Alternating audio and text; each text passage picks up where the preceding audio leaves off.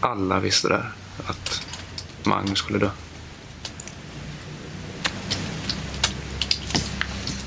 Fast hur kan jag säga det?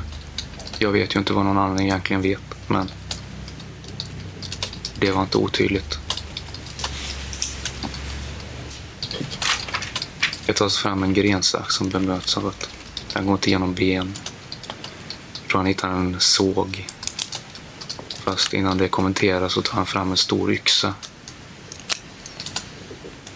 Han skrattar, Emanuel. Han säger något.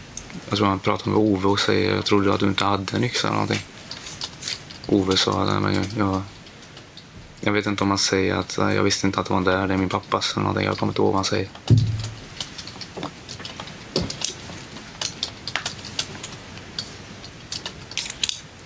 Men jag tycker inte att... Tycker, den som säger att den inte visste att det skulle ske, den ljuger. För att det var jävligt tydligt precis vad som skulle ske. Magnus ligger medvetslös i sitt eget blod i avföring i det andra rummet. Och här står Emanuel med en yxa. Peter har uttryckligen sagt att Magnus ska mördas och styckas. Även fast jag knappt minns att han har sagt det idag så är jag nästan till säker på att han har sagt det. För det var så in i helvete tydligt. Jag ber om ursäkt för om jag inte får svära. Men...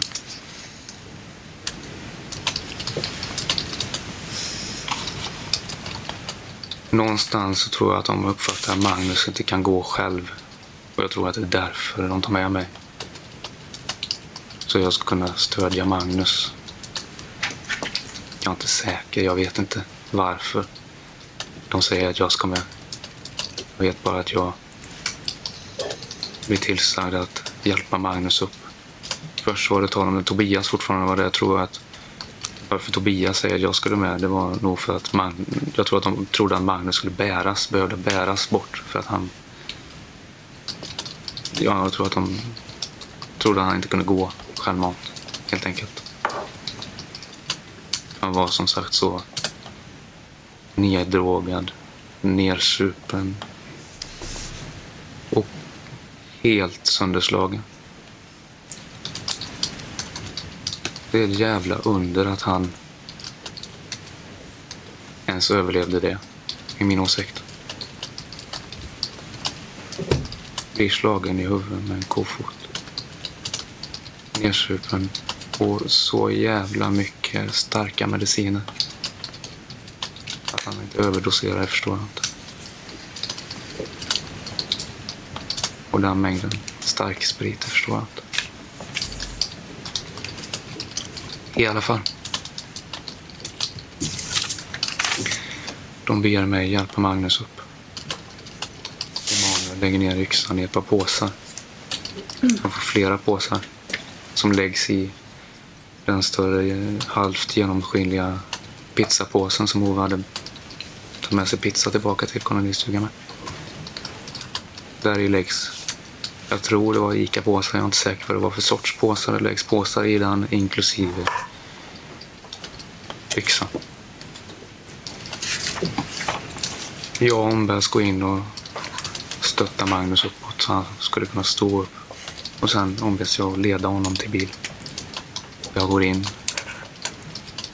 Väcker Magnus. Hjälper honom upp. Han kan dock gå själv. Jag hjälper honom ut. Jag har ingen jacka på sig. Han, han har min jacka på sig. Jag har ingen jacka. Jag har mina egna skor på sig. Jag tror ja, han, får, han får tofflor. Oves tofflor.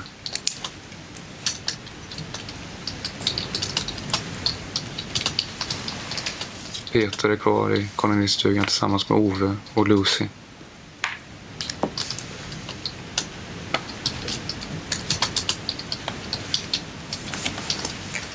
Jag har glömt att nämna det, men Peter lovade bort Lucy till Ove. Ove säger att han ska ge den till hans mamma. Att Mamma ska få Lucy Magnusson.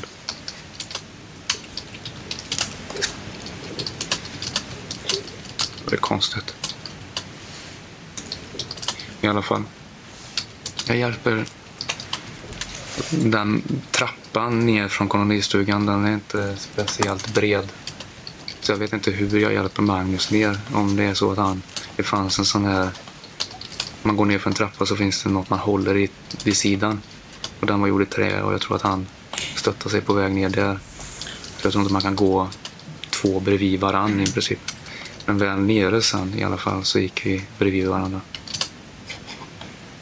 Mot bilen som blivit tillsagda. Kommer fram till bilen. Jag vet inte om Emanuel hjälper honom in eller om jag gör det eller om han självmant sätter sig i bilen. Magnus alltså. Han kunde ändå stå och gå.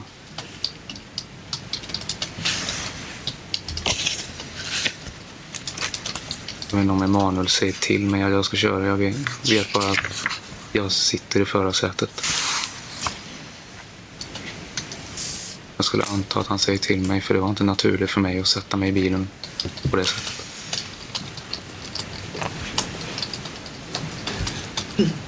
Ska vi kanske passa på att ta en paus där? Vi har hållit på lite drygt en timme nu. Så om vi fortsätter klockan halv. Okej.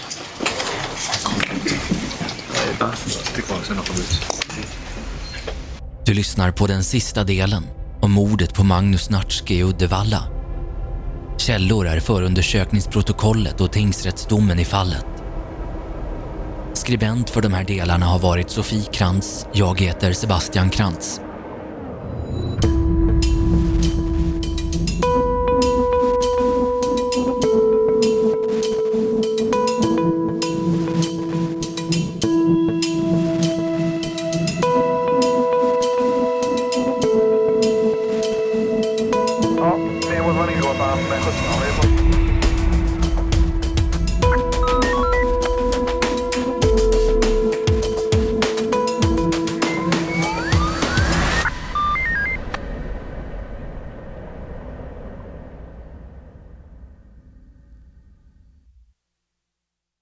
Efter det fasansfulla som Felix nyss tvingats göra så är det dags att lämna landet.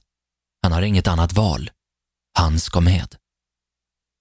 Immanuel och Felix åker tillbaka till kolonistugan där Peter väntar. Tobias är inte längre kvar. Immanuel som filmat när Felix dödar Magnus visar den för Peter som skrattar. Därefter leder de tillsammans ut Felix till bilen igen. Han var som levande död. Han tänkte ingenting och han kände ingenting. Vid det här laget börjar klockan närma sig två på natten. Han tvingas köra Audin de tidigare hyrt. Peter sätter sig vid passagerarsätet och Emanuel i baksätet. Emanuel pratar om att han hoppas att han ska slippa mörda Tobias. De åker hem till honom och börjar kasta småsten på hans fönster. Det är mörkt i lägenheten och de får inget svar. Då ber de Felix istället att gå ur bilen för att hämta en påse med kläder i några buskar innan färden fortsätter. Bilen styr mot Danmark på Peters begäran. Nästa stopp sker vid en bensinmack. Efter stoppet på bensinmacken så är Felix så utmattad att han inte klarar av att hålla bilen på vägbanan. Han ber därför om att få stanna och vila en stund, vilket han också får. De svänger in till vägkanten, men Felix vågar inte sova. Han är rädd att Peter som sitter bredvid honom ska sätta en kniv i honom när han minst anar det. Eller att Emanuel ska försöka strypa honom bakifrån. Så han låtsas istället.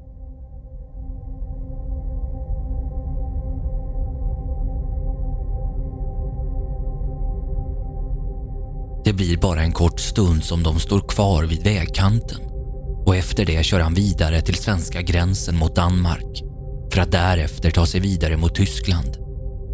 Timmarna går och klockan har hunnit bli runt nio på morgonen när Emanuel till slut tar över körningen. Då somnar Felix av ren utmattning och vaknar inte förrän det är dags att stanna för att tanka bilen. Han blir ombedd att kliva ur. De andra tänker inte riskera att fastna på bild i övervakningskamerorna. Felix försöker göra ett meningslöst försök att få hjälp genom att mima emot en av kamerorna. Men därefter sätter han sig återigen i bilen. Han somnar om och vaknar till av att han hör Peter och Emanuel prata om att de ska köra ut honom i skogen och slå ihjäl honom. När de märker att han är vaken återgår de till att prata om resplanerna. Peter och Emanuel pratar även om att Felix ska gå in i en affär i Tyskland som de nu börjar närma sig och där köpa en klocka med Magnus kort, ta ut pengar ifrån Forex samt sälja bilen som de åker i. Felix börjar inse att de kommer döda honom också om han inte gör någonting snart. Och det är nu han börjar fundera på att kasta sig ur bilen i farten. Men just då går det inte. De kör alldeles för fort och han skulle inte överleva. Han försöker få männen att stanna någonstans så att han kan gå på toaletten. Men det går inte Peter med på. Han säger att han får göra sina behov i en mugg, eller inte alls. Han fortsätter förbereda sig för att någonstans klara av att hoppa ur bilen. Han ser runt omkring sig för att hitta någonting som han kan trä över kroppen för att minska skador. Peters jacka ligger i baksätet och han tar på sig den. Peter frågasätter varför. Felix säger att han fryser. Plånboken med hans ID-kort i som ligger mellan framsätena där Emanuel och Peter sitter på varsin sida vågar han inte ta. Det skulle verka för suspekt. Till slut kommer de till en sväng. Nu har han äntligen chansen. Han öppnar dörren och slänger sig ut. I samma stund som han rullar ut på vägen kommer en ambulans farandes.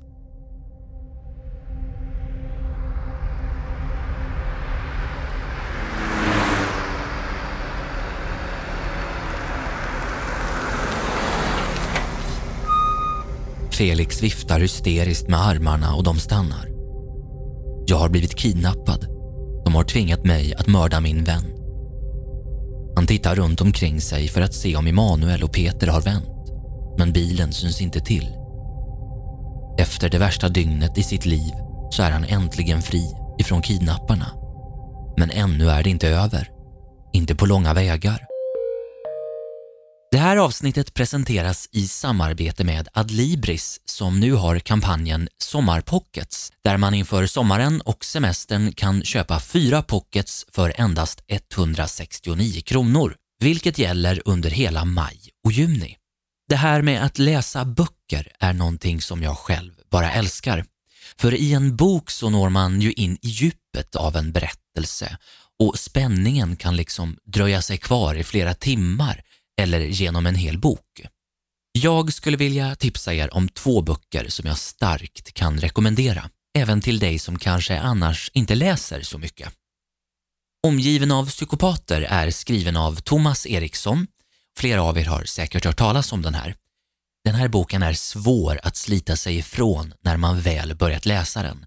Den beskriver alltså en rad olika exempel, situationer och drag hos personer som är eller kan vara psykopater. Och vem vill inte veta det? Tro mig, ni kommer bli överraskade. Och så Syndabocken skriven av Sofie Sarenbrant.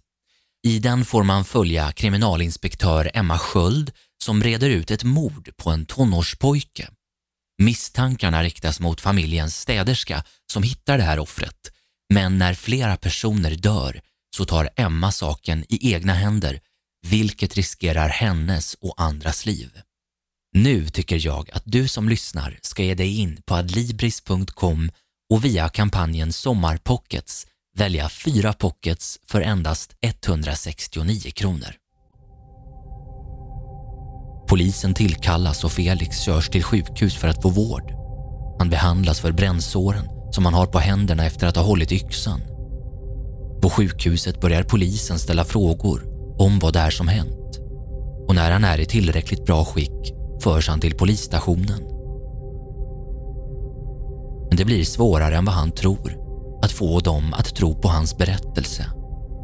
Vid flera tillfällen skrattar de åt honom och det dröjer något dygn innan han officiellt grips av den tyska polisen.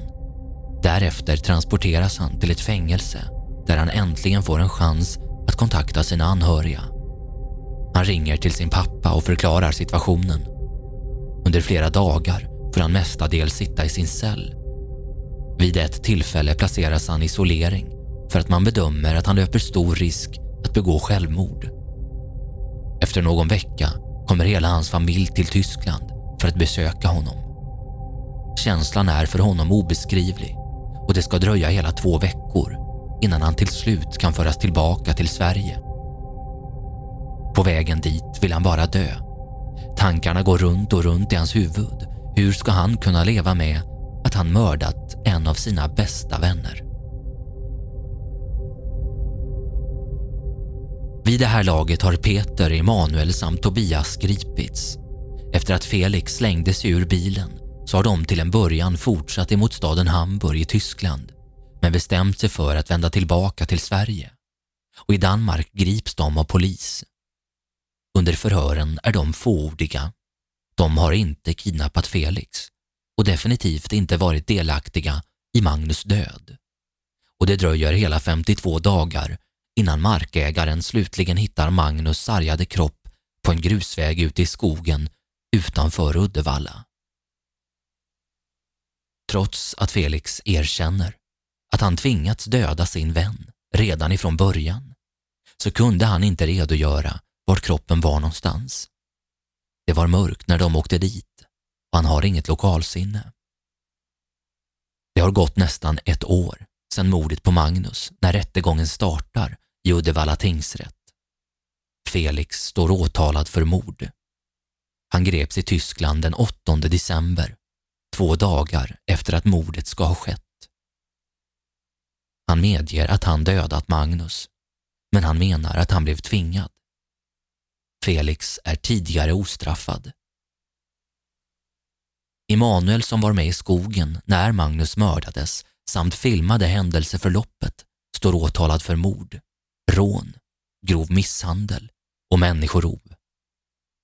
Tobias som avvek innan färden till Tyskland är åtalad för rån, grov misshandel och människorov. Peter står åtalad för rån, grov misshandel, människorov och grovt skyddande av brottsling. Han döms för mord 2005 efter att han slagit en bilförsäljare i huvudet med en stekpanna. Han förnekar brott. 42-åringen, alltså mannen som befann sig i kolonistugan ifrån första början, står åtalad för medhjälp till olaga frihetsberövande och grovt skyddande av brottsling. Han förnekar brott. Under rättegången så har Felix advokat tagit in en professor i psykologi för att göra ett sakkunnigutlåtande angående de psykologiska faktorer som kan ha bidragit till Felix handlingar. Per Anders Granhag har arbetat som professor vid Göteborgs universitet sedan 2006 och har bedrivit forskning inom rättspsykologi i över 30 år. Han är specialiserad inom minnespsykologi socialpsykologi, intervju och förhörsmetodik samt bedömning av tillförlitlighet och utredningspsykologi. Utöver det har han tidigare anlitats som sakkunnig i ett stort antal brottsmål i Sverige. Enligt honom så kan Felix dödande av Magnus förklaras av sju faktorer. Vi kommer att ta upp några av dem här. För det första utmärkte situationen av hierarki Felix ansågs vara längst ner i rangordningen, med undantag för Magnus. Det fanns en solklar auktoritet i gruppen och denna bestod av Peter Alberg som var ledare. Det förekom uttryckliga order om vad som skulle ske, när det skulle ske och vem som skulle göra vad. Det förekom hot mot Felix om vad som skulle hända om han inte lydde order och en faktor som sannolikt har ett förklaringsvärde för Felix agerande är fenomenet moral drift. Att se en annan människa förnedras och kränkas väcker ofta flera olika känslor. En av dem är avsky för de som utför de kränkande handlingarna. En annan är medlidande för den som utsätts. Felix har i upprepade förhör uttryckt att han tyckte synd om Magnus det talar för att Felix egna moraliska gränser börjar lösas upp efter att ha bevittnat tortyren som Magnus utsatts för. Slutligen finns en faktor som rimligtvis bidrog till hans agerande. Felix hade under de många timmar som han befann sig i fångenskap kommit till slutsatsen att han kanske kunde rädda sitt eget liv om han bara lydde order. Medan Magnus liv, som han till slut ansåg inte skulle gå att rädda.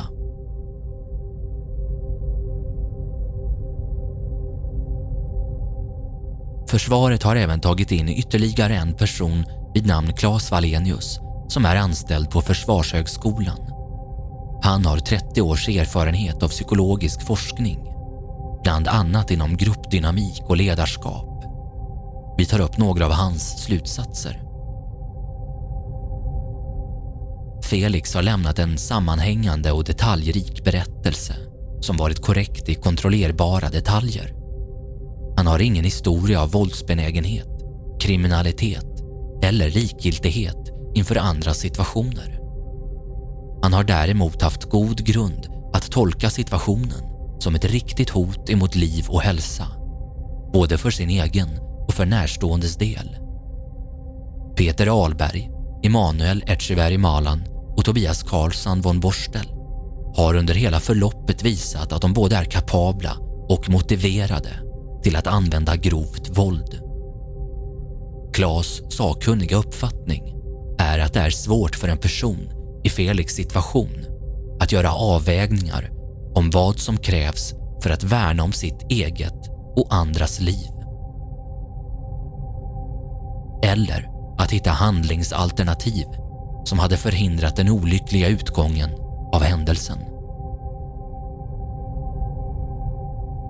Med hänsyn till ovanstående så kan Felix svårligen betraktas som ansvarig för gärningen.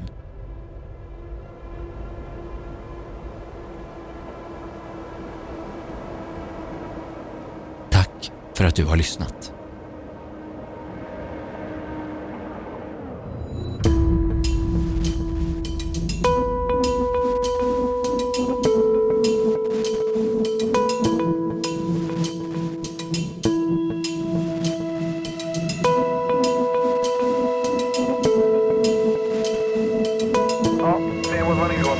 Sorry,